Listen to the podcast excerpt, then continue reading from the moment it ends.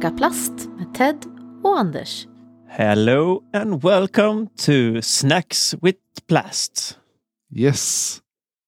Nummer 16 eller? 16 vet du. Jajamän. Sweet Hon var 16. 16 år i år. Ja, fan. Och vi så vi vidare. betar av alla de där nu. Eh, ja, Tonåringsavsnitten. ja, vi försöker om inte annat. Eh, Vad fan, vi måste ju. Vi har det val. går nej, precis. Sen om det går så bra eller inte, det vet inte jag. Men. Ja, hur har veckan varit då, Anders? Har du haft det gött? Uh, gött ja. Eh, jag känner att jag är lite trött sådär. En liten svacka i energin. Behöver komma igång lite med någonting här. Eh, Mm. Men vad fasen. Men det är ändå gött är det. Mm. Det är ju det. Det är ju ändå och- sommar. typ. Precis. Snart semester. När går du på semester? Eh, 29. Ah. Så Det är ett litet tag kvar. Mm, jag smyger en vecka innan det där, så det blir gött. Mm.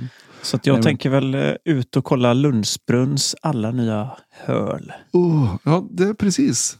Det var ju kul att vi fick läsa det här att um, hål, tis och korgar ska vara, börja sättas ner 27-28 år va? Eller 28-29. Mm.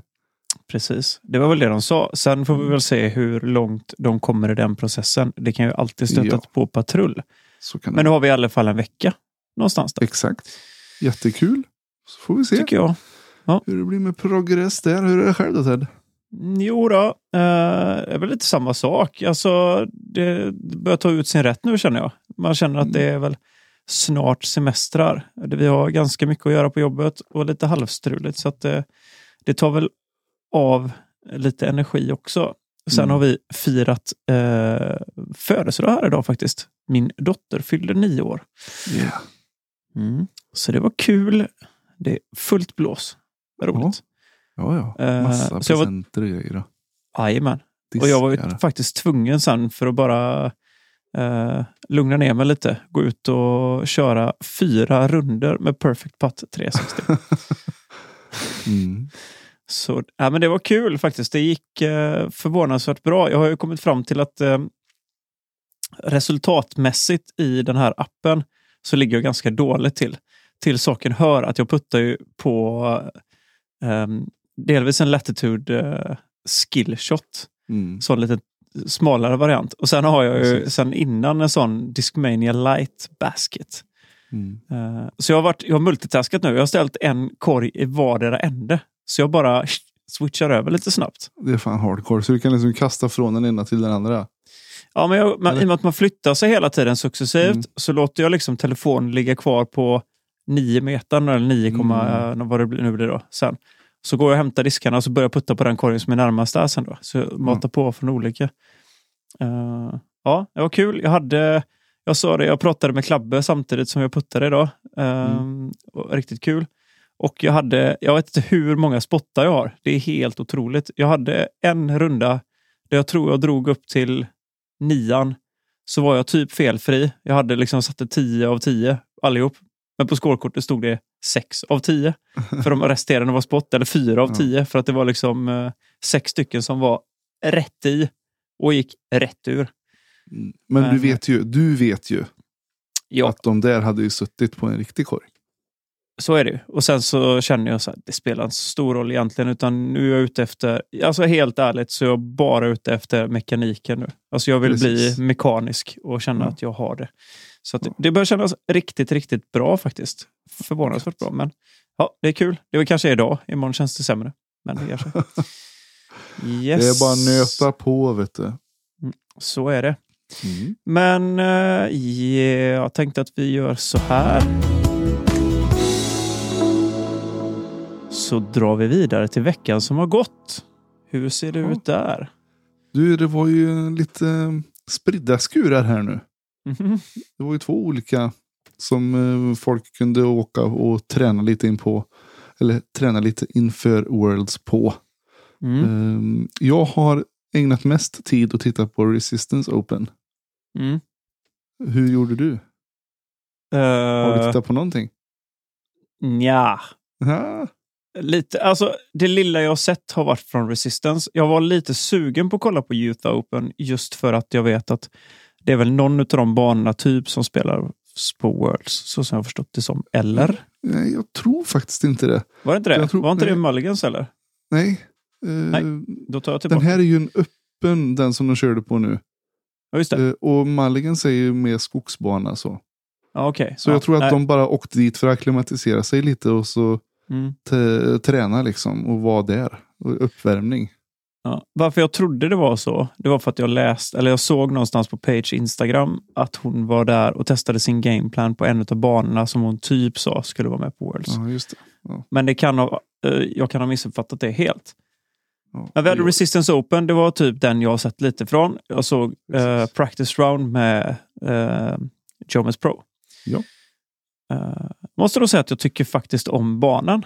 Såg riktigt mysig ut ändå. Ja, mycket högt gräs man kunde landa i lite överallt. Och vatten, om man Och behöver vatten. om man svalka av sig lite. Ja, Ta en simtur. ja. Mm. ja så mysigt ut. Det var inte så mysigt väder bara.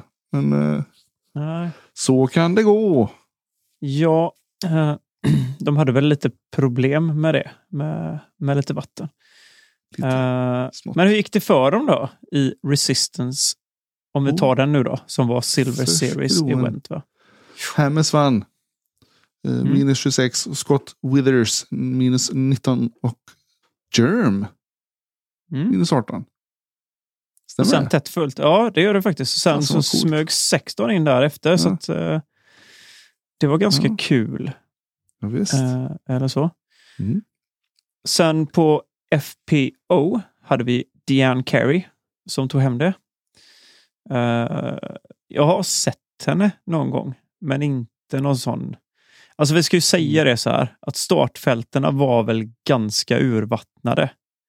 Eh. Ja, men alltså, på, på damerna så verkar det som att eh, om du tittar på toppen där och så jämför Mm. det med Utah Open då. Mm, Så jo, kan man ju skillnad. titta lite att det verkar som att de flesta damerna i alla fall åkte till Utah. Mm, precis. För vi hade ju liksom då Deanne Carey som tog det på plus fem före Brittany Keysberry. Kiesenberry. Mm. Kiesenberry på plus 20 och sen Cat Merge på plus 22. Ja. Så att eh, man kan säga att Deanne Carey var väl kanske lite en egen liga där. Ja, Kändes så. Ehm, men Hammers, back to back, Mm. Yes. lite King. roligt. Han Mm. laddar upp eh, nu. Mm, det känns lite så.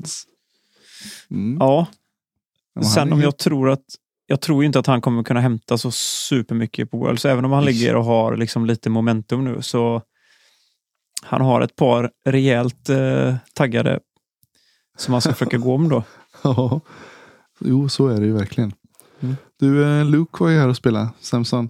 Just Han det. kom 24. Han var ett kast efter Brody och Philo. Som Mm. då delade vad det nu var, 19 platsen och sånt där. Snyggt. Eh, Så han cashade i alla fall. Kul. Jätteroligt. Mm -mm. Utah Open hade vi också då, va? Mm. som vi var inne på lite där. Där hade vi ju lite, alltså FPO-fältet var ju definitivt mer stackat, eller stackat, men där hade vi väl de lite större spelarna känns som. Mm. Eh, Page växlar upp återigen. Ja, hon eh, som sagt, hon, hon är lite i sin egen liga också nu kan man säga. Då. Mm. Minus 12. Ja, precis. Har lite momentum, känns det som nu, eller? Eh, lite lätt. Och Mm. Kato tvåa på minus 3. Så det är ju, Mm.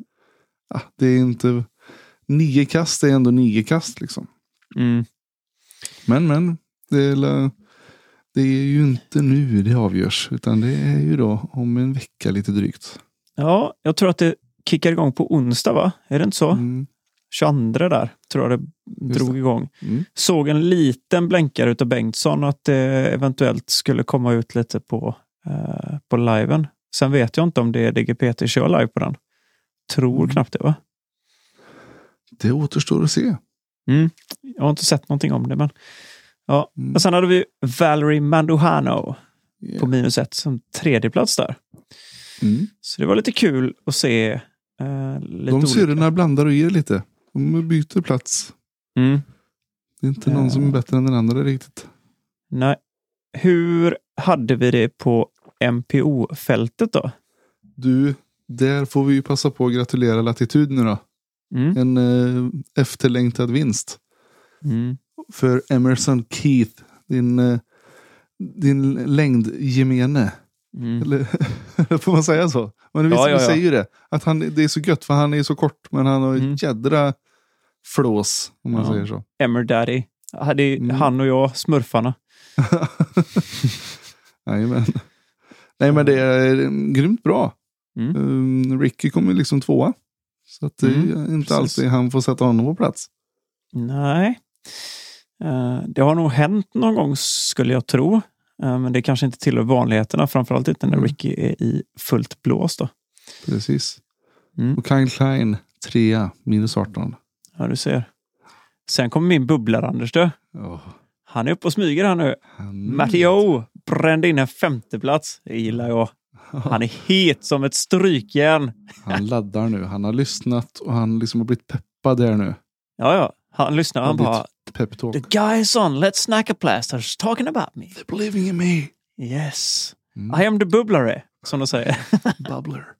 Bubbler. I'm the bubbler. Mm. Ja, gött. Men eh, vi saknar ju lite spelare som sagt eh, Mm. i de stora fälten. Och jag tror ju helt enkelt att det är så här att de är och tränar inför Worlds. De lägger inget Precise. krut på det utan de behöver liksom mosa in banorna ordentligt nu då. Mm. Eh, ja, Det är nog ingen snack om det. nej. Mm. Du hade fördjupat dig lite i banorna. Jag har sett, jag tittade pyttelite. Jag tittade på den här Fort Buenaventura. Mm. Eh, vatten såg jag en Ja, hel del. lite vatten. Mm. Men eh, just för att vara eh, i Utah så ser det ju lite ut som Florida tycker jag nästan. Mm. Alltså, eh, eller inte sån här skogs-Florida-barn utan lite mer träsk-feeling får jag. Mm. Men eh, ja, alltså de är rätt så snarlika tycker jag de här två banorna som de ska spela på. Att det är rätt så tajta lines. Det är inte direkt eh, sådana här bomba öppet. Utan eh, det kommer premiera de som sätter linjerna, helt klart. Mm. Det är lite kul tycker jag faktiskt. Att det inte bara är de här, eh, eh, ja, men Mm. mosa på liksom. För de kommer ju sen igen. Så att, Mm. eh, sen, som sagt, ur en eh, sändningssynpunkt så är det väl inte det absolut roligaste. Utan det är kanske kul, roligare att se de här öppna och få liksom lite mer feeling för Mm. banorna. Så, men, mm, Nu bara blegar jag igenom Mulligan så jag, jag kände igen den. Jag har ju sett den. mm, Eh, Det är en sån som, och de brukar köra Utah Open där också liksom. Mm. Så absolut har man ju sett den. Men, eh, men jag, jag tror det här kan bli skitkul. i Mm. Worlds, helt klart. Ja, det kan nog bli tajt om inte annat, skulle jag tro. Alltså det är nog, Mm. Vi kommer nog se en större spridning över fältet. Att det inte bara är de här Eagle och typ de som Precis. kastar liksom riktigt, riktigt långt. Utan här kommer ju, typ som Matteo, kommer ju ha Ja. lite chans att kunna smyga in här och träffa linjer. och Ja, Ja. Det, blir- det blir kul. Eh, just nu, jag läste lite så här, folk eh, hade hängt upp sig lite på att det är bara två banor i år. Eh, men det är ju tack vare att eh, det bara är typ FPO och MPO som spelar nu Worlds. Mm. Eh, för att eh, ålders-VM som de har är ju förlagt senare i år. Det är förlagt i augusti. Så därför behöver de inte ha 19 banor som de brukar ha annars.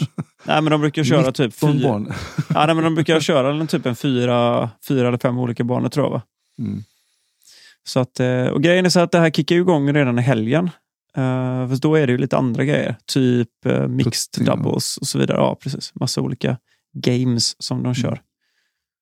Mm. Det måste ju vara skitkul grej det här. Worlds. Jag tror det. Jag tror att det är ganska roligt faktiskt. Eh, så det, Mycket lattjo bredvid också tror jag. yes. Men du vet, vi snackade ju lite förra veckan med Elina där om Mm.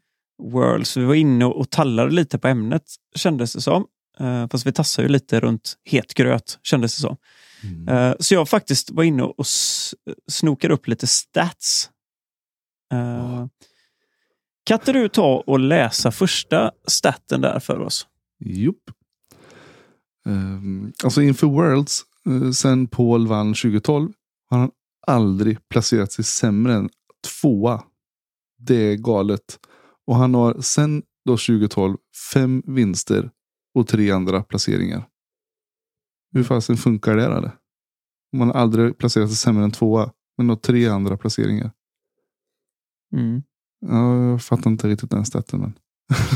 Nej, det gör inte jag heller. Det är väl det att han har, alltså just, det är väl åtta gånger som han har spelat, för det har ju varit Mm. ett Worlds och sånt som inte har varit med. Eh, och så vidare. Jag vet inte om han har skadat, men eh, och i samma tid så de är Ricky eh, 3 3-0 där, eh, eller 3.0 i stats liksom för hur han har placerat sig då med vinster och fjärdeplatser och så vidare. Mm. Eh, och om jag då ska ta FPO och så har vi ju då våran, som vi sa nu, som har gasat upp lite. Där har du Page då. Och hennes sista sju pallplaceringar under VM är etta, tvåa, etta, tvåa, etta, tvåa, etta. Eh, hon har alltså aldrig vunnit ett VM under jämna år. Mm. Den är lite rolig. Hon Mm. har något omen där. Mm. Eh, Du Ted, jag ser att jag läste ju fel här. Jag, eller jag, läste, jag fattar fel på, mm, på där. Det var Mm. inför Worlds 2012 som han aldrig hade placerat sig sämre än tvåa. Ja, just det. Eh, Och sen, alltså efter, 20 ja, precis efter 2012 så hade han fem vinster och tre andra placeringar. Just det, nu Mm. Ja, fattar jag. lite coolt. Ja, jag var tvungen att läsa en gång till. Men eh, ja, grymt. Mm. Page då vet du. Men eh, ja, vad är det för år i år? Det är ju alltså udda år i år då. Udda år. Precis. Nu är Du det vet hennes- vad det är som gäller. Eh, och det var ju en liten snackis om det också, just att i och med att förra året blev uh, cancelled så hade hon ju sin curse där då, som att hon inte skulle Mm. vinna det året. Så nu får vi se då. Men, eh, och sen hennes första VM 2010 är hennes sämsta pallplats, en sjua. Ja. Så det, ja, det är lite fräsigt. Mm, hon eh, ligger där uppe. Mm. 2,3 Sen har- i genomsnitt alltså. Ja. Ja. Det är sjukt. Du, sen har vi våran GOAT. Om man nu ska Yes. säga så. Men eh, Kan- för, för våra generation är han ju det. Mm, Får vi säga så? Ja, men det skulle jag nog ändå säga att han är. Alltså, Jag Mm. tror för, för en lite äldre generation också, och för de yngre spelarna då, för att sätta lite perspektiv med Paul till exempel. Kan inte du fördjupa oss lite i hur det har gått för Kenny, K- Kenny C, Ken Climo? Jo, alltså han spelade i VM mellan 89 och 2010. Bara det är ju, är ju galet. Och då hade han alltså en genomsnittsplacering på 3,86. Alltså han, var, han snittade nästan fjärde plats på Mm. alla de åren. och hade 12 vinster. Mm. Alltså, och då, om, man, om man räknar från första gången han vann, då var det alltså 89. Tills hans, Ja, eller, ja, förlåt, till- från, från 90, Mm. då vann han första gången. Till 26 så var hans snittplacering 2,18. Kul att spela när man visste att Ken kom liksom. Nej, och det var ju det som var grejen. Det, det, och det, det tog de faktiskt upp i eh, när han var på eh, Nate Sextons podd. Och Nat, eh, Nate drog upp liksom lite stats. Han bara så här, alltså på riktigt så har du liksom, du har ju typ någon andra plats. Han bara, ja, och det var med ett kast typ. Så att han Ja. var ju liksom, och, och, så, och då liksom diskuterar ju folk och säger så "Ja, ja men han var ju liksom, det var ju då, det var inte så, så hårt motstånd och sånt. Han sa det, jo fast motståndet var ju exakt likadant. Det är bara att de Mm. hette annorlunda saker liksom. Mm. Så att det, och för att dra då lite parentes till det, så hade han någonstans där 90, då var hans bästa rating, låg han på 1040. Mm. Så att jag menar, liksom, man, man kan ju ändå säga då att ja, det var väl också ganska så bra. Hyfsat. Mm. Mm. Ja, the goat. Ja, klart. Han är, han är ju typ eh, discgolfens Muhammad Ali. Liksom. Ja, men lite, lite så. Och jag tycker som sagt för, för, för en hel del av detta materialet har ju börjat komma ut lite nu på tuben också. Mm. Som folk vill liksom se Ken Climo för att han är ju som sagt skadad nu.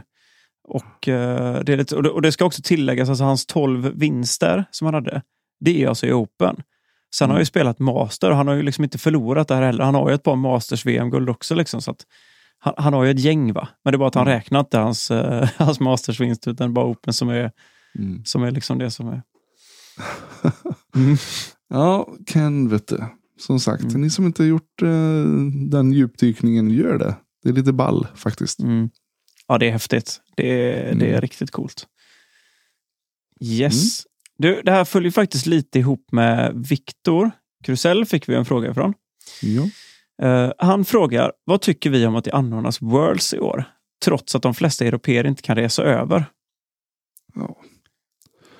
ja, det är ju liksom hur man hur man liksom ser det tycker jag. Så det är som eh, Miss Universum. Mm. Det är liksom inte hela universum som åker och tävlar. Men eh, de kallar det för Worlds. Alltså det var ju, jag vet inte om det var um, Climo som sa det med. Eller var det Hasse som sa det? det liksom Worlds var ju etta bra länge. Alltså just Mm. i, i, i prestige. Sen så kom ju USDGC och, och tog över lite grann. Men eh, ja, det är klart att det är surt att VM bara innehåller amerikaner i stort sett. Eh, eller ja, nordamerikaner. Mm. Eh, men vad fasen ska man göra då? Det får vara ett sånt år. Jag förstår att de vill hålla det. Mm. det Samtidigt liksom- är det ju lite, ja, jag, jag, jag kan förstå det också, just att det blev uppskjutet förra året och deras Mm. situation med pandemin ser lite annorlunda ut än vad det gör hos oss till exempel. Eh, sen ska man kanske inte liksom blåsa faran över riktigt än. Mm. Även i USA, även fast de är vaccinerat och kommit betydligt längre än vad vi har gjort, så tror jag liksom att vi har inte sett det sista av covid-19 eh, eller så. Det har du nog inte gjort i USA heller. Sen så är det ju, vi kommer ju se tre europeer, förutom då Samuel Lisotte som har knappt räknat som europeer längre, fastän Mm. han fortfarande tävlar för Tyskland. Eh, så vi har ju Kristin Tatar över och vi har ju Silver Lätt och vi kommer ha Albert Tam. Mm. Uh, några andra tar sig inte över för att det är liksom för tufft för dem att resa över nu, så som Mm. det ser ut. Eh, och det kanske inte är rättvist. Det kan jag tycka att det inte är. Jag tycker att det är lite... Men liksom vad, vilka är, det är ju också en apparat som kanske är svår att hålla på och bromsa på, framförallt då när det ser annorlunda ut i olika länder. Liksom. Så att, eh, jag menar. EM stoppas ju inte heller. Nej, eh, det- det är lite diffust. Mm. Det är det. Det är ju ett sånt skit. Och vi, kan bara, vi kan bara säga det. Vi kan dra ett streck över att det, är ett- det, det här, de här två åren som är nu, eller liksom, det, det är ju skumt. Och vi hoppas på en bättring. Liksom. Det är väl det enda vi kan göra. Mm. Ehm, jag kan säga, Viktor Löfven han säger att dock lär en amerikan ta hem det ändå. Eh, jag skulle nog säga MPO, ja. FPO, nja. Det får vi ju se. Alltså vi vet Ja. ju inte vad det är för status. Så som Page går nu så får ju Kristin jobba lite om man säger så. Jo, men nu är det ju bara Kristin där också. Om man Ja. skulle säga, vi har ju faktiskt eh, de som, som vi vet är riktigt heta. Det är ju Mhm. liksom Henna Blomros och eh, Evelina Salonen. Så att, eh, Evelina. Jag måste säga så varje gång.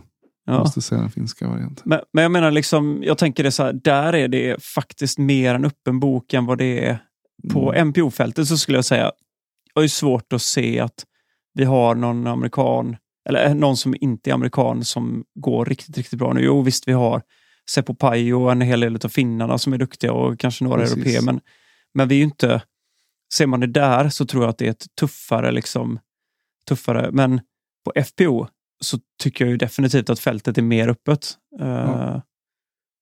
Framförallt pallplaceringar skulle jag säga, så, Mm. så ha, kommer ju, där har vi tre stycken riktigt starka damer.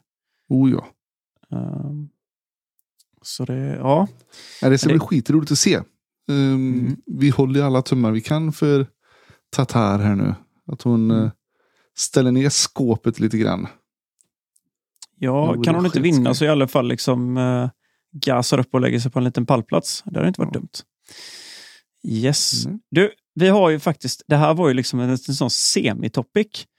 Uh, Mm. Men jag tänker att vi helt enkelt gör så att vi rullar vidare till det som vi faktiskt har sagt att vi kommer köra som topic denna veckan. Och vad är det, Anders? Reglerna i Mm. discgolf. Det finns ju en hel bok. Det gör ju det. Vi nysta lite grann i alla fall. det gör vi. Men Mm. vi kan väl nästan gå ut och säga det redan här och nu direkt. Vi lägger ut en liten brasklapp i detta. För att det här är det är någonting som inte är helt enkelt. Och jag ska säga att det är Mm. faktiskt inte helt enkelt att förmedla detta via en podd. Nej. Nej, så är det ju. Och det är så mycket tolkning i detta. Mm. Och mycket som är gruppens ansvar och hej och hå. Mm.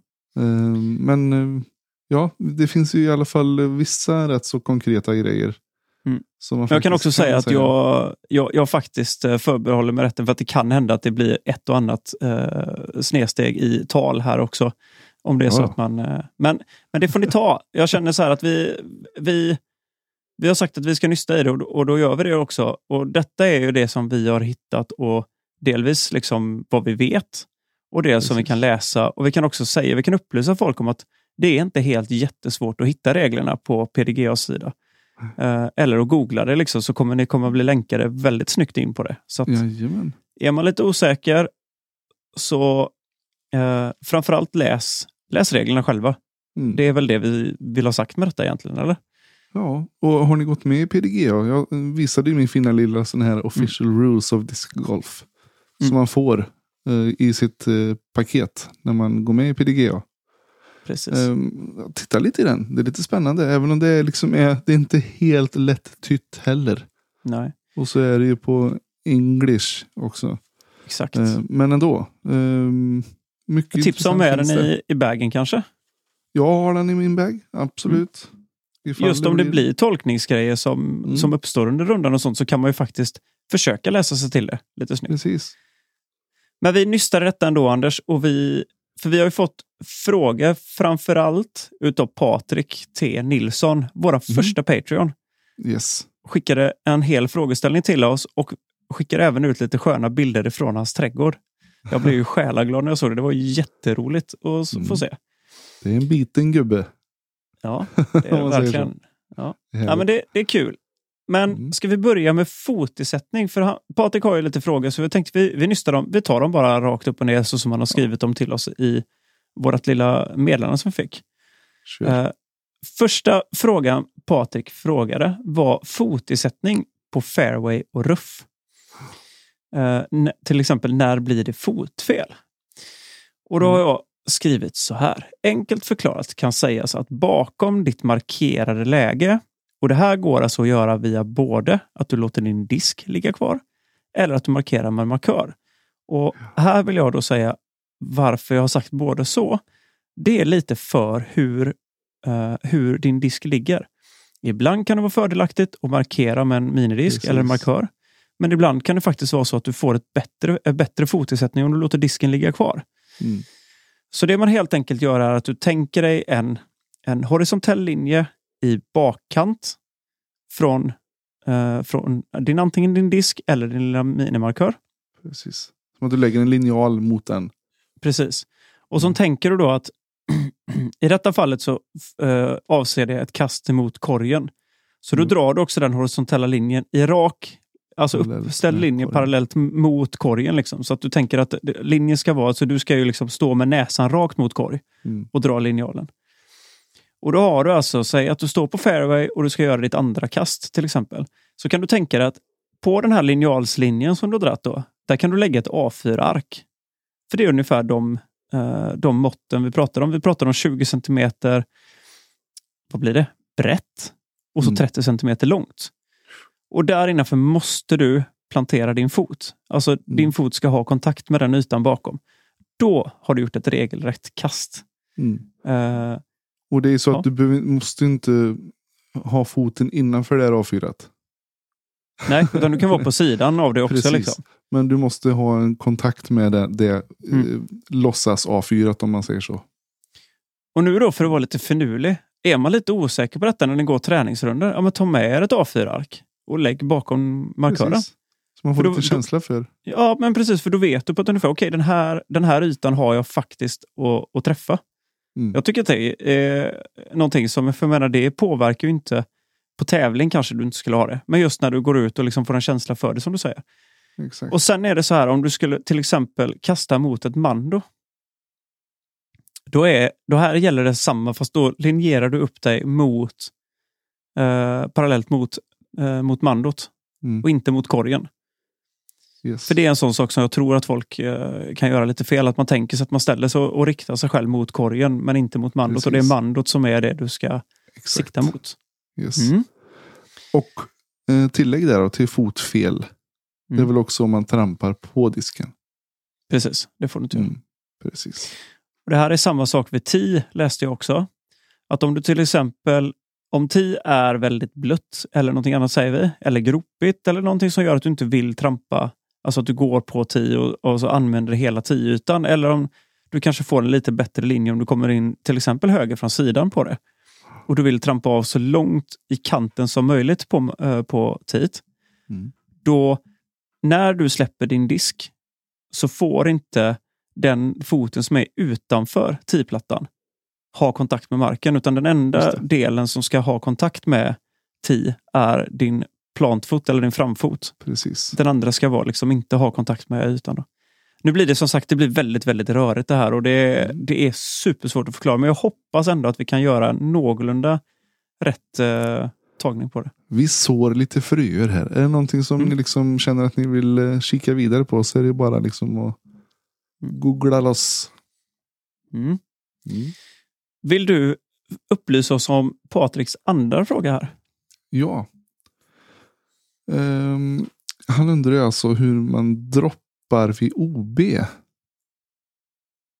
Mm. Vad, vad tror du han menar med det? I Ja, golf exempel- droppas ju två klubblängder. Dock Mm. ej närmare hål. Precis. Mm. Eh, och då är det väl, alltså om man säger droppar bollen, det är väl ungefär som att markera sitt läge skulle jag tro. Va? Precis. Och hur gör man då Anders? Ja, då får du ju, där du korsar den där du senast var safe. Mm.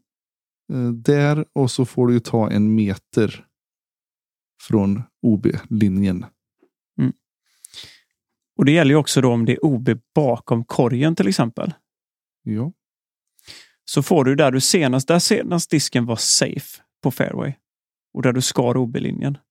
Där ska du markera ditt läge och så får du ta en meter in för du får inte stå. Och alltså, eller ja, du kan stå och köra utifrån OB.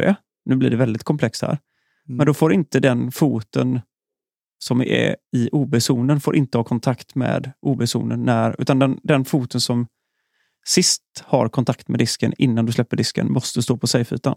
okej. Förstår du hur jag menar? Ja, jag fattar. Så du får liksom stå, om det inte går till exempel, så får du stå med en fot bakom. Och det är samma sak att du kan stå med en fot framför din markering. Om du står i en buske till exempel, så kan du stå med ena foten inne i busken eh, så nära du kan och den andra foten framför. Men den foten får inte ha kontakt med marken när du släpper din disk. Den Förstår du nu jag menar? Ja, det är den. Den Men jag, sitt, eh, jag såg Germ gör den ganska ofta. Och är det Mm. en sån sak som man inte tänker på just för att Att han liksom du kan få och kastar. Vad sa du? Han liksom lyfter lite, han trycker upp sig och lyfter lite med den och kastar. Fast Ja. så länge han har kvar liksom sin fot inne vid han gör markören. Karate Kids Tranan Ja, mer eller mindre. Ungefär. Ja, men typ. Så den är också lite lurig, men den, den ska man veta att den finns faktiskt och ta till. Precis. Det är som en, eh, ja, en jump putt ungefär. Mm. Fast eh, du har kvar din andra fot där inne vid disken. Då. Precis. Mm, ja, den, ja, som sagt, eh, öva på den. Ja, men den kan vara lite lurig. Framförallt kan det vara bra att ha med sig i tanke. Liksom. Att Mm. om, man, om det är riktigt, riktigt illa, om, man, om du har någon sån här slånbärsbuske eller någonting liksom, och du ligger, då får du faktiskt stå framför, men du får inte ha kontakt med, alltså din framfot, den foten som är framför disken får inte ha kontakt med ytan. Nej. Med marken innan du släpper din disk. Då, så att, Ja. eh, Spännande. mm. Vad gäller vid tillfälligt vatten, Anders? Ja, den, det får du ta för mig. För det, det finns det ju lite olika med Hazard och Precis. Men, Men, Hazard, om de säger så här, casual water finns det något som heter i, eh, i, i, på PDGA. Och det är Mm. samma sak som vid tillfälligt vatten. Alltså vatten som är på banan som inte alltid är där. Det är inte en bäck, det är Mm. ingenting, utan det är någonting, ja, det har regnat kraftigt eller någonting. Då får du alltså gå bak från ditt läge. Om du inte vill stå Just i en vattenpöl så får du ställa dig bakom närmaste torra sträcka land liksom, utan ett Mm. blixtkast. just det. Den är schysst. Och, Ja, det kanske inte är kul att stå knädjupt vatten och putta. nej, nej, nej. Men man har ju sett folk backa. Och Mm. det är väl också så att det får man väl nästan alltid göra. va? Att man eh, Mm. parallellt med, mot hål får man backa sitt lie lite grann. Stämmer inte det? Eller det det beror det är... lite på. Vid pliktkast och så vidare. Ja, och så även om du har till exempel om du gått OB och du har ett, liksom, en bättre linje det. längre bak. Då kan du gå så långt. Du, kan, du får gå hur långt bak egentligen som helst. Ja, just det. Ehm, för du har fortfarande fått ditt pliktkast. Mer eller Ja. mindre. Jag, vet att, jag tror att det var på Diglo som Just. Paul Macbeth gjorde det. Eh, när han låg mitt inne i en buske så gick han ju bak en bit och sen ställde han sig och så la han den vid korg, eller typ i korg Mm. nästan. Eh, så är det. Så det finns en hel del filuriga grejer man kan göra. Eh, Mm. Och är man osäker så fråga någon som är mer rutinerad. kan man ju säga. Mm. Det är väl grundregeln, liksom, eller försök söka upp det på något sätt. Mm. Mm. Men du, vad gäller eh, dropp vid eh, vattenhinder, alltså riktiga vattenhinder då? Precis. Det är ju alltså typ, för där skriver ju Patrik då, vad gäller vid dropp i vattenhinder? Kan likt golfen eh, kan han likt golfen droppa på valfri sida om ett dike, dock ej närmare hål? Eh, och då säger jag så här, vid OB från vatten, då tillämpas egentligen samma regel som vid OB. Mm. Eller så. Det är ju fortfarande så här, det är ju, kom det- från. Ja, men precis. Den Mm. sista gången det var så. Om det inte anges annorlunda utav Tournament Director för den tävlingen du är. Nu förutsätter vi att detta är på tävling mest Mm. som de här grejerna är. Eh, eller om det är så att det är en tydlig dropzone som ska uppsökas om du går vatten. Jo. För det kan finnas det också. Så Mm. det är ju lite det som står på hålkarta och vad som står i oftast en caddybook eller så vidare Just det. som kommer. Mm. Mm. Men när man springer och, och letar efter sin disk då? Just det. Vad, hur, hur länge kan man hålla på och göra det och så vidare? Undrar också Patrik. Det gör han. Precis. Och då är det så här att eh, om det är så att din disk är förlorad eller om du inte hittar din disk ganska snabbt, då ska du säga till att oj, jag hittar inte min disk. Och eh, då har du alltså från det att tiden anges, för du får en tidsram på tre minuter på dig att hitta disken. Det som tillhör detta är då att då ska alla spelare i den gruppen du går i hjälpa till att leta efter disken. Också. Ja. Just. Eh, Och om det är så att du inte hittar disken så bestäms ett läge där disken senast sågs. Eh, Alltså ett, ett läge som bestäms av gruppen och du får spela med ett pliktkast. Vidare. Och där finns det en hel del olika eh, Mm. grejer som man kan ta. Men det, det går som sagt också att hitta på PDG om man vill fördjupa sig lite med det. Men generellt kan man säga att tre minuter är den tidsramen du har på dig att hitta din disk. Yes. Mm. Och det, visst är det så att det är någon i gruppen som måste kolla det också och starta Yes. tiden? Mm. Jajamän, det är det. Mm. Det är inte du själv som spelare som gör det, Precis. utan du kan gå där och, och lulla bäst du orkar. Oftast kommer någon fråga, hittar du din disk? Nej. Och då startar, och så måste du säga att ja, vi startar tiden tre minuter. Mm. Och då får Och det är alla också komma och för- hjälpa till. Precis, och det är också för speed of play om man säger. Just det. Att du vill skynda på rundan lite.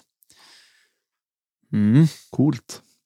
Så var det. Så jag hoppas Patrik att du fick någorlunda svar i alla fall på de frågorna du ställde. Eh, Mm. Det är som sagt, det, är ganska svårt tycker jag att ange liksom Mm. eh, detta. Bara rakt av så. Det är inte helt lätt. Mm. Yes. Bra. Mhm. Eh, det, han fick ju svar på sin sista där. Han undrade lite om maxtiden på det. Och då var det Ja, det precis. med tre minuter. Ja. Jajamän, Jajamän. Så sen, är det. Har, sen har vi ju eh, våran Förra veckans gäst. Elina, va? Förra veckans gäst, ja. Mm. Mastodont avsnitts-Elina. Ehm, hon har ju lite frågor då. Mm. Om en disk kanske är OB och det är till exempel två mot två på kortet och det är Mm. två som dömer in och två som dömer ut. Vad gör en då? Mm. Sjukt bra fråga. Mm. Då är det någonting som heter benefit of the doubt eller vad ska man säga, tvivel. Alltså tvivelaktig. Om det är en tvivelaktig, en twist och så vidare. Precis. Eh, då faller det här som PDGA säger som heter benefit of the doubt.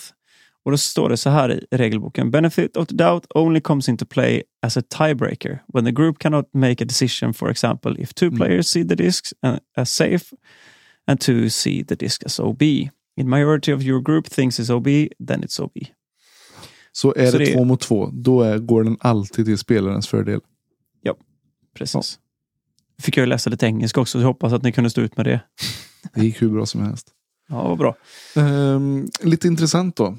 För jag såg att eh, pappa Bengtsson eh, la ut i någon Mm. grupp på Facebook att eh, han ehm, tyckte att här är ju Nico skön ändå.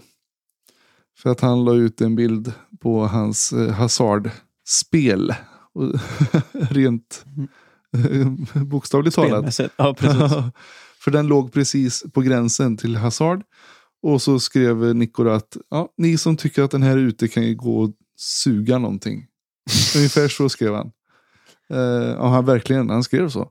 Och Mm. där menar Bengtsson att han har ju rätt. Mm. För att eh, är det minsta tvekan så ja, då ska den alltid gå till spelarens fördel. Mm. Och där var det väldigt luddig gräns. Om man Mm. säger så. precis. Men han var inte blyg, Nico.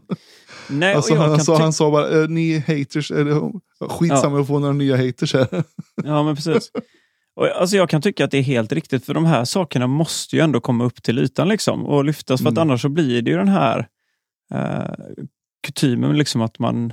Eh, och just alltså Nico som ändå är en sån kontroversiell spelare som han är, som alltid får... Han tar ju rätt mycket stryk alltså, stackarn. Mm. Mm. Eh, Ja. Så är Ja, det. den, var- den var ju, apropå Eli- Elinas eh, fråga där, så var den väldigt bra. Mm. Precis. Har du någon mer fråga då? Jajamän. Mm. Ponera nu att du kastar din disk till din bag. Alltså sådär Mm. som man gör. Att eh, jag, jag kommer fram till min laj, jag tar min disk och så lägger den, eller jag kastar den till min bag.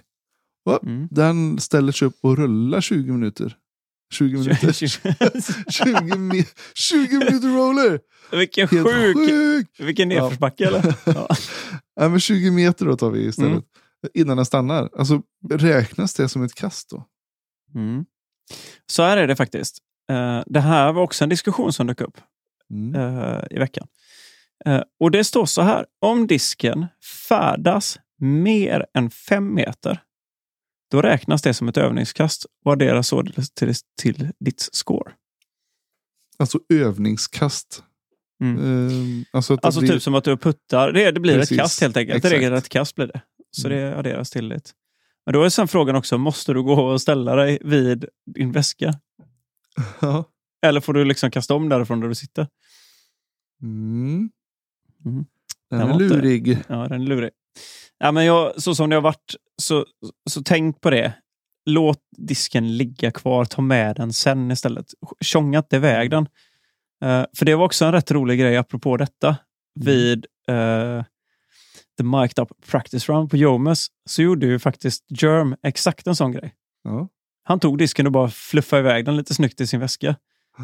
Eh, och då, då kollade de honom på det. Både, både Julie och... eh, ja, men lite så på skoj, liksom, Ja. men, men då sa de det där var ett regelrätt kast. Och då blev han så här, ah, men vad vill du? Liksom, det var det inte alls det. Fast det är det ju. Så att det var ju helt riktigt att de...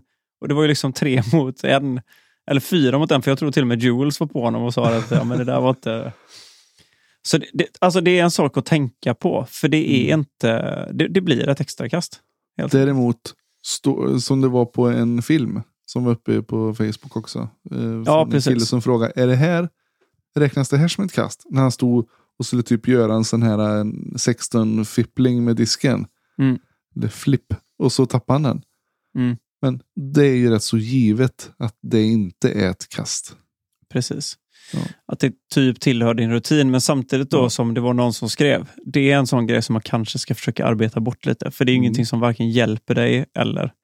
Eh, sen har man sina små, små grejer för sig, liksom. Men om det är lätt att tappa disken och säga att då ponera att den faktiskt tar kant och rullar åtta meter. Ja, Då är det ett kast. Precis, ja exakt.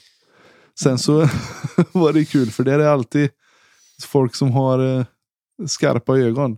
Då kom det istället upp frågan om man höll sig inom A4 istället. Mm. Eh, Ja, apropå det- den regeln. Mm. Ja, precis. Yes. Du, Elina Du- hade ytterligare en Mm. fråga där. Mm. Eller var det det du tänkte ta? Ja, för att den här, den här uppstod nästan i Habo. Okej. Stod så här, Ja. ja, nu, nu jädrar, nu har Mm. han en och en halv minut på sig här.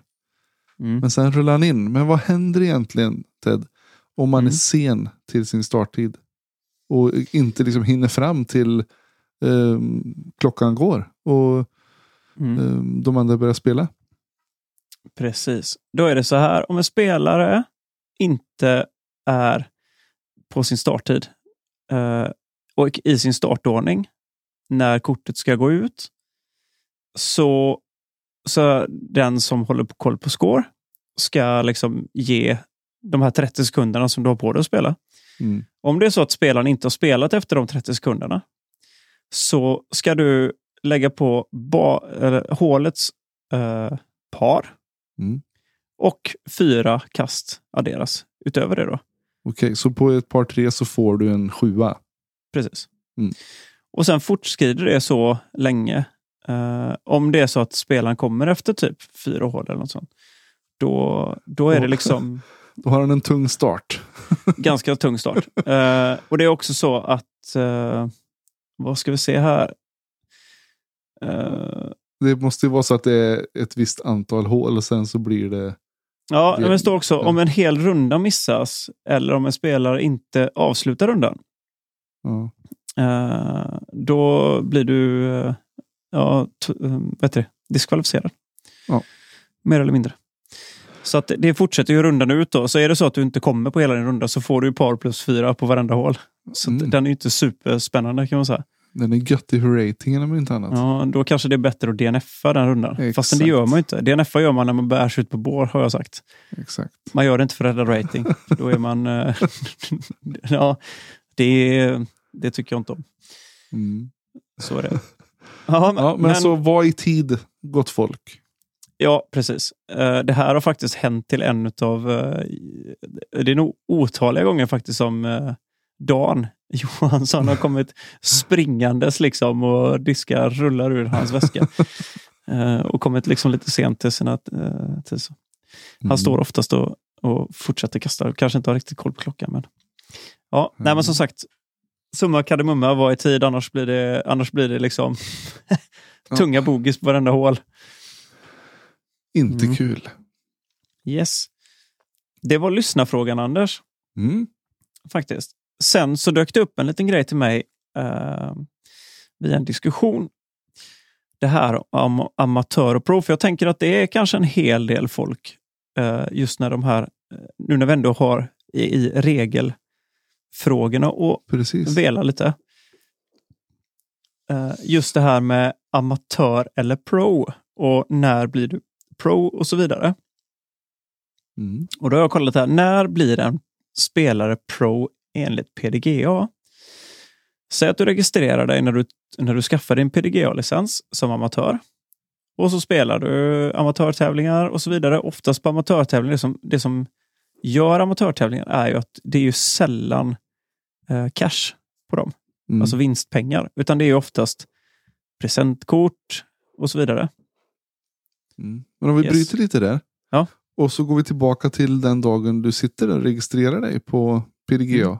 Då Yes. kan du väl rent eh, krasst välja pro eller amatör? Ja, ja, ja. Du, du, Ja. du kan välja precis vad du vill. Och Det är också så här, jag tänkte komma till det sen. Du kan faktiskt återkalla din pro om du vill. Alltså säg Mhm. att du inte känner att du vill spela pro längre så kan du faktiskt eh, ansöka om att gå tillbaka till att bli amatör.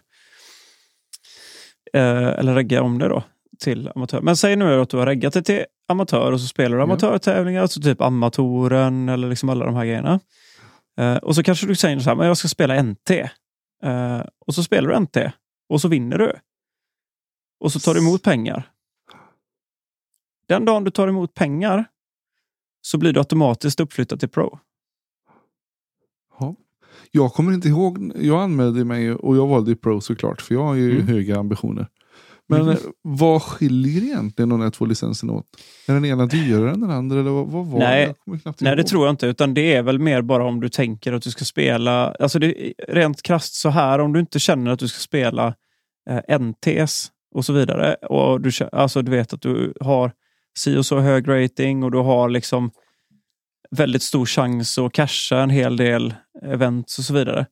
Då kanske det egentligen inte ens finns någon idé att faktiskt skaffa en pro-licens först. Uh, och det som skiljer dem åt, för jag, jag läste lite här, för som sagt diskussionen kom upp om du är pro. Om du någon gång har tagit emot pengar och så vidare och är pro och så vill spela i amatörevents till exempel, får du lov att göra det? Det får du. Det är helt okej. Du får spela i, amat eh, i amatörtävlingar. Uh, det som är grejen då, det är att du får ju olika ratings och så vidare. Eh, På PDGA liksom. Divisions och ratings och bla bla bla. Och de är de som inte blir eh, att räkningsföra sen då. Eh, eller till exempel att du blir, eh, för du kanske kan få ehm, till exempel bli inbjuden till att spela Pro Worlds och så vidare. Om du kanske inte har haft så hög rating och så spelar du jättebra. Sånt. Så det är sådana saker som kan spela in då. Det här finns mer att fördjupa sig. Jag tänker inte gå igenom detta allt för mycket. Men summa kardemumma. En amatör kan spela pro och en pro kan spela amatörtävlingar. Det är helt fritt fram att göra precis vad du vill där egentligen. Jag tycker bara det är lite göttigt att säga att man är en professionell discgolfspelare. Mm. Och då kan jag komma till det här då för att eh, jag lyssnade på ett avsnitt som... Alltså jag kör Teds tipsa direkt här. Då vill jag Bra. faktiskt tipsa om, eh, om avsnittet i The Nick and Match Show. Det är avsnitt nummer fem. Och det har att göra med, nu när vi ändå har det här på tråden, just med amatör och, och pro och så vidare. Där pratar Dave Fellberg som har den här The Next Gen Tour. Kör ju han i USA Just det. som är en amatör-tour, mer eller mindre. Han har ett väldigt många sunda tankar och kanske lite hårt för många att höra. Men hans, han drog till exempel, för nu ska jag spoila lite utan att spoila alldeles för mycket. Men de pratade just om det här, okej, när är du true professional till exempel? Och då säger han att att vara uh, helt och skär professionell spelare i någonting så är det så att du, att du kan försörja dig och leva på det du gör. Så att Mm. du försörjer och lever på att spela discgolf till exempel. Och hans gräns som han satte för att spela till exempel NT-tävlingar Pro i USA, alltså Discgolf Pro Tour och så vidare. Precis. Då sa han det så här, för att ha en chans på den och casha liksom, de flesta eventsen och så vidare, då bör du ha 1025 i rating. Mm. Allt annat under det, sa han, då hade jag nog typ spelat amatörtävlingar. Där. Ja. För deras amatörtävlingar är också så att där kan du faktiskt casha och så vidare. Mm. Lite grejer. Det, det här, jag, jag, jag lägger ingen värdering i detta överhuvudtaget, utan detta är Dave Fellbergs ord kring det. Precis. Jag, jag drar en parallell till Ella Hansen då. Mm. Hennes avsnitt på Nick and Match Show. Mm. Vilket Ehm, också var jättebra. Skitbra var det. Mm. För då sa ju hon det här också att hon fick ju lite olika upplägg Mm. eh, vad det gäller sponsorkontrakt. Och då var det Precis. någon som ville betala alla hennes avgifter. Mm. Alltså spelaravgifter till tävlingar. För det, det är inte billigt alltså. Nej, USA Mm. kostade, kostade pengar alltså. Vi tittade förut, alltså ställde Mm. upp på Worlds nu. var ju 275 dollar. Alltså bara Mm. i anmälningsavgift. Eh, Ja, men Precis, vad är det sa- om man snabb huvudräkning? Ja men det är typ eh, drygt 2000 spänn. Mm. Eh, I alla fall, hon valde ju istället. Hon sa ju att jag, jag körde på prestationsbaserat istället. Mm. För jag vill pusha mig själv. Mm. Och hon sa att det, det har ju redan lönat sig. Mm. Eh, intressant liksom approach. Och verkligen. hatten av. Detta ska tilläggas då, alltså avsnitt fem i The Nicky Match Show, det är alltså inspelat någon gång förra året. Ja. Så att det, det är liksom lite äldre. Och men- jag kan tänka mig så här nu, just som vi pratar då, alltså 1025 i rating kan nog fortfarande hålla ganska bra för att du ska liksom kunna casha på typ varje tävling, mer eller mindre. Mm. Och så. Men just det som han säger om vad som räknas som proffs. Där skulle jag nog säga att det är ganska många som räknas som proffs för att det är deras inkomstkälla. De bor i bilen och de lever för att spela discgolf mer eller mindre Precis. och har liksom sponsorkontrakt och så vidare. Så att den poängen kanske faller lite just där och då. Men, eh, men det är sjukt intressant. eh, och alltså en podd som jag tror både du och jag kan faktiskt eh, rekommendera med varm hand. Oh ja, Eh, tycker den är skitbra. ja, väldigt, väldigt mycket bra information och sköna takes liksom på det. Och sen är de ju heta på gröten och få in spelare som har gjort bra ifrån sig eh, Mm. under helgen som är. För de här spelar in på måndagar. Och de är Ja, duktiga precis. på att connecta med folket, med, spelarna. Så att, alltid Oftast kan man lyssna, börja lyssna på tisdag, typ tisdag mitt på dagen eller morgon. Men- tror jag? Visst har det inte varit något avsnitt Nej, det var inget för, för Matt är på eh, semester. Förbannat. Jajamän, det var därför jag lyssnade om nämligen. Det var därför femman kom in. Bra. Ja. Mm. Eh, som sagt, så det var... Nej, men det, det är en bra podcast med Mm. väldigt nyktra takes på väldigt mycket grejer, tycker jag. Absolut. Eh, så sjukt bra. Mm. Yes. Du Anders, Mm. vi efter vårt avsnitt med Henke Ja. så fick vi ju faktiskt eh, lite feedback tillbaka från Mattias Nilsson på förbundet. Chips-Mattias. Chips-Mattias. Mm. Chips-Mattias var och chipsade fram. Vi hade tydligen fingrarna i hans eh, chipspåse. Eh, så att eh, han hade lite kommentarer i alla fall till det här som vi lobbade för en TD på alla nationella tävlingar. Eller Mm. våra nationella tour. Mm. Eh, kan inte du ta och läsa hans första... Jo, det kan jag göra. Eh, och han säger då absolut största anledningen ehm, är ju skatteteknisk. Eh, om en arrangör betalar ut ehm, säg cirka 23-24 000 i prispengar per år så beräknas eller betraktas denna som en arbetsgivare och då försvinner hälften av prispengarna i skatt och arbetsgivaravgifter. Eh, en TD från förbundet skulle vara möjlig och klubbarna delar ut prispengar men detta skulle vara att tänja på gränserna och det brukar ju sällan sluta väl. Så det är ju skattetekniskt då. Det är Mm, svårt eh, att göra det rätt och det tycker jag är synd. Det tycker jag med. Detta vet jag har varit en het potatis. Inte bara i detta avseendet, utan jag vet att Jonas Grundén krigade ju mycket för detta. Eh, Mm. Varför vi inte fick stora spelare till Sverige till exempel. Till AL och sånt. Han, de, han hade ju jätte, jättesvårt att få dit de stora spelarna. Och det är också skattetekniskt Mm. eh, varför det är så. Eh, och då säger Mattias också så här att en lösning är att spelarna startar företag. Det här har inte, det är många som varit inne på detta. Jag vet att jag hörde det sist i Discgolfpodden också. Mm. Och att det är en väg eh, som vi måste gå för att kunna öka prispengarna i sporten. Eller Så då bildar man sitt eget bolag och så får man ut prispengarna där och så kan man Mm. då betala sina om, omkostnader och det man vill ta ut i lön får man betala de här avgifterna på. Då. Precis. Eller så kan Då man ta en jag- utdelning. Ja. Eller, ja. Grejen är så här, då vill jag bara flika in en sak. Mm. Jag undrar lite så här. Hur många utav våra svenska spelare nu cashar ungefär 23-24 000 per år i prispengar? Mm. Eh, nu kanske var det, var det det han menar eller var det just den Mm, arrangören? det är per enskild individ som 23-24 000. Mm. Alltså just till en person per år. Eh, Mm. Och visst, det kanske inte är så svårt för till exempel Linus Karlsson och de att dyka upp i. Eh, och de som ligger i yttersta toppskiktet. Och då skulle jag säga så här, det är ju de spelarna som vi ser just nu då, som skulle behöva starta ett eget företag och så vidare. Eh, grejen är att det är ju inte helt supersimpelt heller att bara starta ett eget. För mig känner jag liksom så här, att det är ingen lösning för mig. Eh, för delvis kommer jag inte casha så mycket. Det gör jag inte.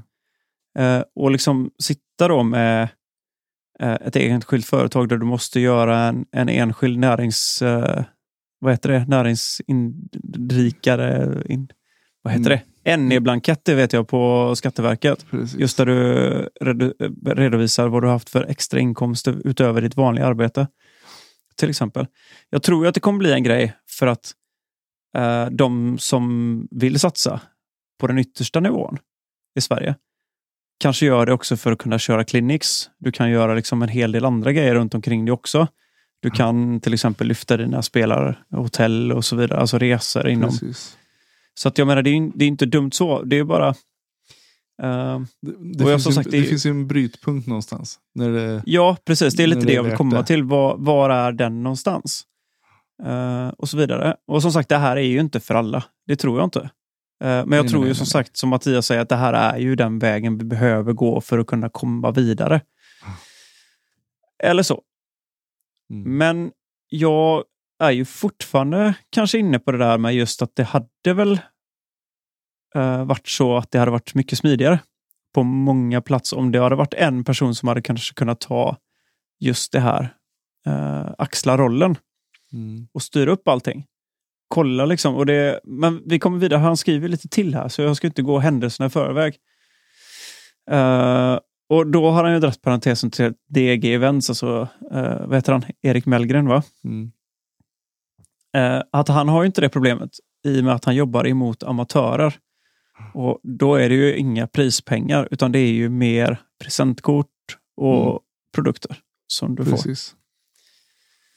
Eh, Mm. Men vad, Yes. gör de, vad gör de nu då i nuläget för att underlätta för arrangörer och TDs? Yes, de har ju tillsatt en tävlingsgrupp eh, som tar många av de frågorna som en TD skulle behöva ta hand om.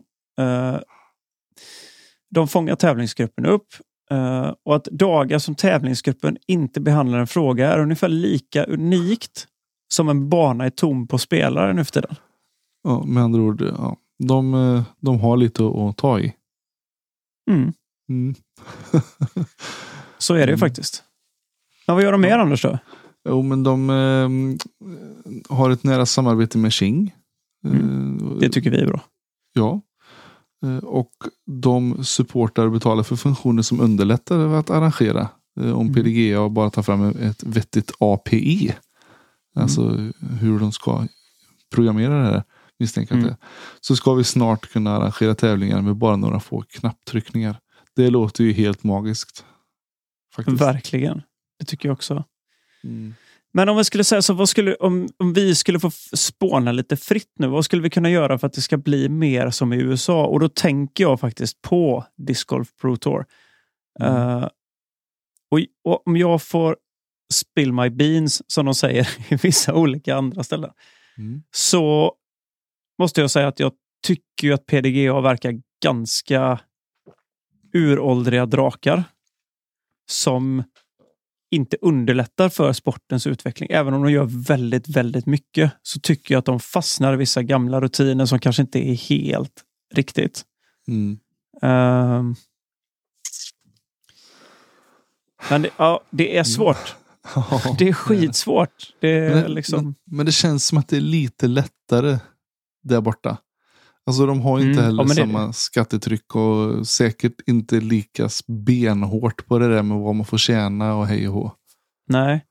Mm. Däremot vet jag att de pratar, de har ju däremot väldigt, väldigt, alltså PDGA har ju sjukt styrda regler på vad som förväntas för spelarpaket i amatörtävlingar och så vidare Mm. och hur mycket av det som ska gå tillbaka.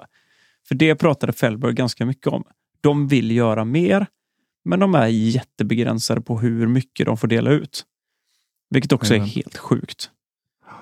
Eh, eller så. Men ja, vad, vad göra? Jag skulle faktiskt vilja göra så här att vi lägger ut detta till våra lyssnare. Mm. Hade inte det varit lite kul att höra vad, vad ni tycker? Vi har ju många skarpa hjärnor där ute. Verkligen. Så att antingen om vi gör så, ska vi göra ett sånt litet fråge eller sån här svara-formulär på Instagram som vi brukar göra till våra Precis. gäster. Eh, och så kan vi lyfta det sen i något annat avsnitt kommandes. Precis. Eller så mejlar ni oss. kan ni också göra. Vad har vi för mejladress? Let's snackaplast.gmail.com Gött. mm. Nej, men för det, jag tycker att det skulle vara sjukt roligt att rulla igång den här lilla bollen. tillsammans Mm. ska vi göra en bättre discgolfvärld. Ja men alltså, herregud. Ja men vi har ju, vad ska man säga, vi, vi, vi har ju bara skrapat på ytan av vad som Ja. kommer. Vi är Om man i säger så. lindan. Jo men det är vi. Mm. Eh, och då tycker jag att vi ligger efter USA bara i det. Alltså på hur, de, hur det ser ut där borta. Och jag tycker vi ligger i framkant till barnen kanske, men eh, i bakkant på hur, hur vi fortfarande liksom Mm. arrangerar vissa saker. och sånt. Men sen är det så här, Rom byggdes inte på en dag och vi, vi måste börja någonstans. Men jag tycker att det kanske är vettigt att liksom lyfta lite saker Mm. eh, nu och se vad vi, vart vi Absolut. kommer med det. Det är helt Mm. rätt. Nej, nu ska vi inte älta mer i det. Men som sagt, väldigt, väldigt. Och jag, tack så jättemycket Mattias för att du faktiskt kom tillbaka till oss och gav oss lite feedback. Det tycker jag var riktigt, riktigt kul. Och det visar ju bara, alltså, nu, jag måste ge förbundet en sån sjukt stor eloge för månadsbreven och så vidare som de skriver och, och, Mm. feedbacken som vi får tillbaka. Jag tycker att det är magiskt. De gör jättemycket. Mm. Eh, sjukt kul faktiskt. Det är bara att gå in och läsa. De finns ju tillgängliga. Mm. Och jag tycker att ni ska klappa er på axeln faktiskt och känna att ni gör någonting riktigt bra, för det gör ni. Mm. Jag tycker att det är eh, Absolut. sjukt lyft. Ja, helt klart. Mm. Så är det med.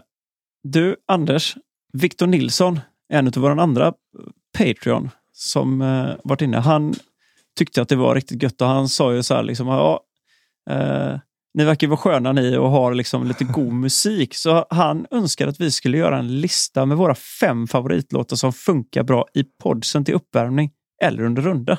Oh. Och ni som ändå har bra musiksmak, sa han här då. Eh, så, och jag, jag satt och, ja, vad ska man säga? Jag satt och spånade lite på detta och jag är ju sån extrem allätare och det tror jag du är med. Mm. Så jag kanske är ännu bredare än vad du är i min musik. Ja, kanske. Ja. Eh, för jag vet ju att vi båda lyssnar lite, lite skatepunk och, och lite annat, lite metal har vi varit inne i. Jag har inte så mycket skatepunk. Däremot så vissa, med, med vissa undantag. Mm. Men eh, jag har ju haft mycket träningsmusik på gym och så vidare. Mm. Men eh, det här är något helt annat. Och jag, jag lyssnar inte på musik när jag spelar discgolf. Nej. Eh, men Det- eh, jag, jag det har jag gjort en del. ungefär vad jag skulle Ja. lyssna på. Ja, men precis. Jag, gör ju, jag har gjort det lite grann, eller gör det ibland. Eh, och sen har vi ju haft våra goa runder liksom uppe i Onsala ibland nu. Nu blir det ju, nu, jag ber om ursäkt, jag kommer återigen in på Onsala, men detta är lite sådär, för Onsala och Slottsskogen så gick jag oftast med eh, ja, men typ Dacke och så gick vi med en kille som heter Johan, Rosén och så några till. Och de är mycket för att ha musik på, typ vi hade på Riddarrundan och vi har haft på Onsala-touren och sånt ibland. Då. Så kör vi lite, någon har med sig en, eh, ja, men en sån liten rörhögtalare. Så har vi kört liksom lite god musik. så. Det har varit blandade tunes, liksom, men det är ändå lite gött. Man kommer igång och vissa stör sig på det. Jag stör mig inte så jättemycket på det. Kan tycka att det är rätt gött ibland. Uh, men om man rent generellt, om man ska säga vad jag har i lurarna. Uh, så tror jag inte att det är supertung metal. uh, just. Jag vill nog ha någonting lite mer upptempo tror jag. Uh, kanske lite god baktakt och så vidare. Mm. mm. Kör. men jag har i alla fall jag har kört, jag, jag drog ut fem låtar som jag tycker är helt okej. Men det har ju, alltså jag skulle kunna plocka ut 40 eller 105 låtar egentligen. Men jag drog fem då, lite sådär, bara få en liten feeling för det. Då, första låten som jag drog var Clear Up med Longing for Lullabies, uh, featuring Titio. Tycker jag är eh, god elektroniskt. Har du lyssnat någonting på Clear Up? Helt klart. Jajamän. Det har jag gjort. Eh, sen våran gamle, våran poddkompis där, eller Mm. tionde avsnitt, jubileumsgästen, Swedish Tiger Sound. Ja. Med en låt eh, som heter High Voltage som vi hittade för ett tag sedan. Featuring Daddy English. Eh, sen har jag en god baktakts reggae-låt. Det är Collie Buds med Good Life. Då blir man lite glad sådär om man är lite nere. Så... No, no, no, no. Och där. Sen så kanske man fastnar och vill ha liksom lite god, tung hiphop. Då kör jag lite Jedi Mind Tricks. Eh, en låt som heter Design in Malice. Den är fet. Och sen också fortsätter då med Beatnuts eh, off the books. Men jag gjorde så här till alla lyssnare. Det är att jag har startat en spellista på Spotify. Som just heter Let's snacka plast. Mm. Och den är öppen för alla. Så fyll på med musik i den. Så skapar vi någonting tillsammans, tänkte jag. Grymt. Jättekul. Jag Ja. sitter, mitt huvud går för fullt här nu kan jag säga. Ja, jag men, tänker det. Men jag faller ju tillbaka in i min Ge mig. älskade metal alltså. Ja, Och Det nu, är helt de som vet, de vet. Men eh, jag skulle börja med typ Pantera Walk, vet du. oj, ja. Och sen eh, Machine Head Davidian. Eh, Hatebreed. Eh, skulle jag nog smälla in. Alltså, det är min bästa gymmusik. Alltså Ja, det, det är bara att sätta på random på, med dem.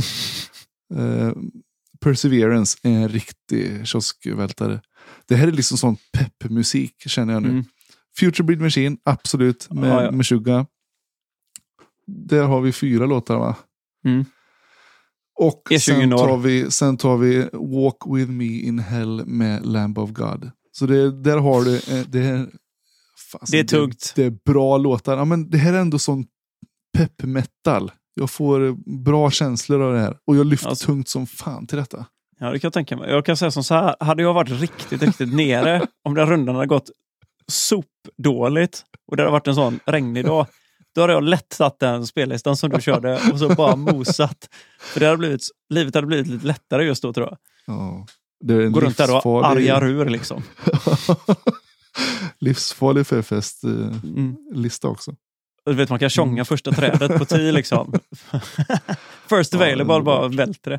Nej, men eh, som sagt, jag, jag har ju också lyssnat på alla de jag känner igen dem utan Mm. problem. Liksom. Men just när jag spelar så vill jag ha någonting lite lättare som kanske inte sätter lika stora avtryck i mig. Utan mer är liksom sån, ja men du vet, hissmusik. Säger jag hissmusik, det är det inte men. Nej, nej, men någonting som är liksom just lite upptempo, lite, lite lugnare, liksom, alltså lite snällare så man inte behöver Då- liksom hänga med och lyssna på texter och sånt. Då har jag en jävligt bra skiva. eh, Mm. Som jag faktiskt köpte på vinyl alldeles nyss. Eh, Air Moon Safari. Mm. Den skivan är fantastisk på just det som du säger. Bara slänger på den och bara Mm. myser till den. Mm. Ja, det är gött. den. Den är fantastisk. Sexy boy och grejer. Den kanske du kommer ihåg. Ja, jajamän. Mm. Det gör jag. Så jag Ja, är också bred. Det är inte bara metal. Men just ju- den här pepp-metalen gillar Ja, ja, visst. Ja, men Mm. precis. Ja, men, som sagt, gå gärna in på Spotify och, och leta upp den eh, listan. Det borde inte vara så svårt. Det lär inte finnas så många listor som heter Let's snacka plast. Om ni ser till och med våran logga på den. Vill ni ha min metal-lista får ni skicka så får jag sy ihop en sån. Ja, men du syr in den i den. Det är bara, det är bara att slänga in på det blir listan. högt och lågt. Ja, ja, men det är det som är roligt. Man kan ju Mm. ändå hoppa om man inte känner att man vill, eh, vill ha det. Så att, Absolut. ja, men gött. Fräckt. Mhm, Det tycker Mm. jag definitivt. Det Ja. var ett göttigt avsnitt Ted. Ja, men det tycker jag. Ja. Ser vi Har- fram emot World sen nu? Ja, fy fasen, dessa blir superkul. Men som sagt, det är ja, en knapp vecka kvar då. Precis. Mm. Ja, det är väl det är onsdag idag ju. Så det är onsdag nästa vecka, 22. Så nu sopar igång. Så då det Underbart. blir kul att titta på det. Mm. Någonting sant. annat? Ja, jag vet inte. Ehm, Kasta Plast har släppt K3 Hard. Mm. Har du sett det? Berg är det. först ut. Eh, och sen har även Lots kommit eh, i Glow. Så Mm. nu, eh, nu är det högtryck på disksport. Alltså, ja, lätt. Och. Servern. Om de har ja, alla, jag tror alla, alla webbshoppar kommer att krascha nu. Typ. Men, Mm. nej, men det, det som slår mig lite nu det är att det känns som att det börjar fyllas på med lite plast igen.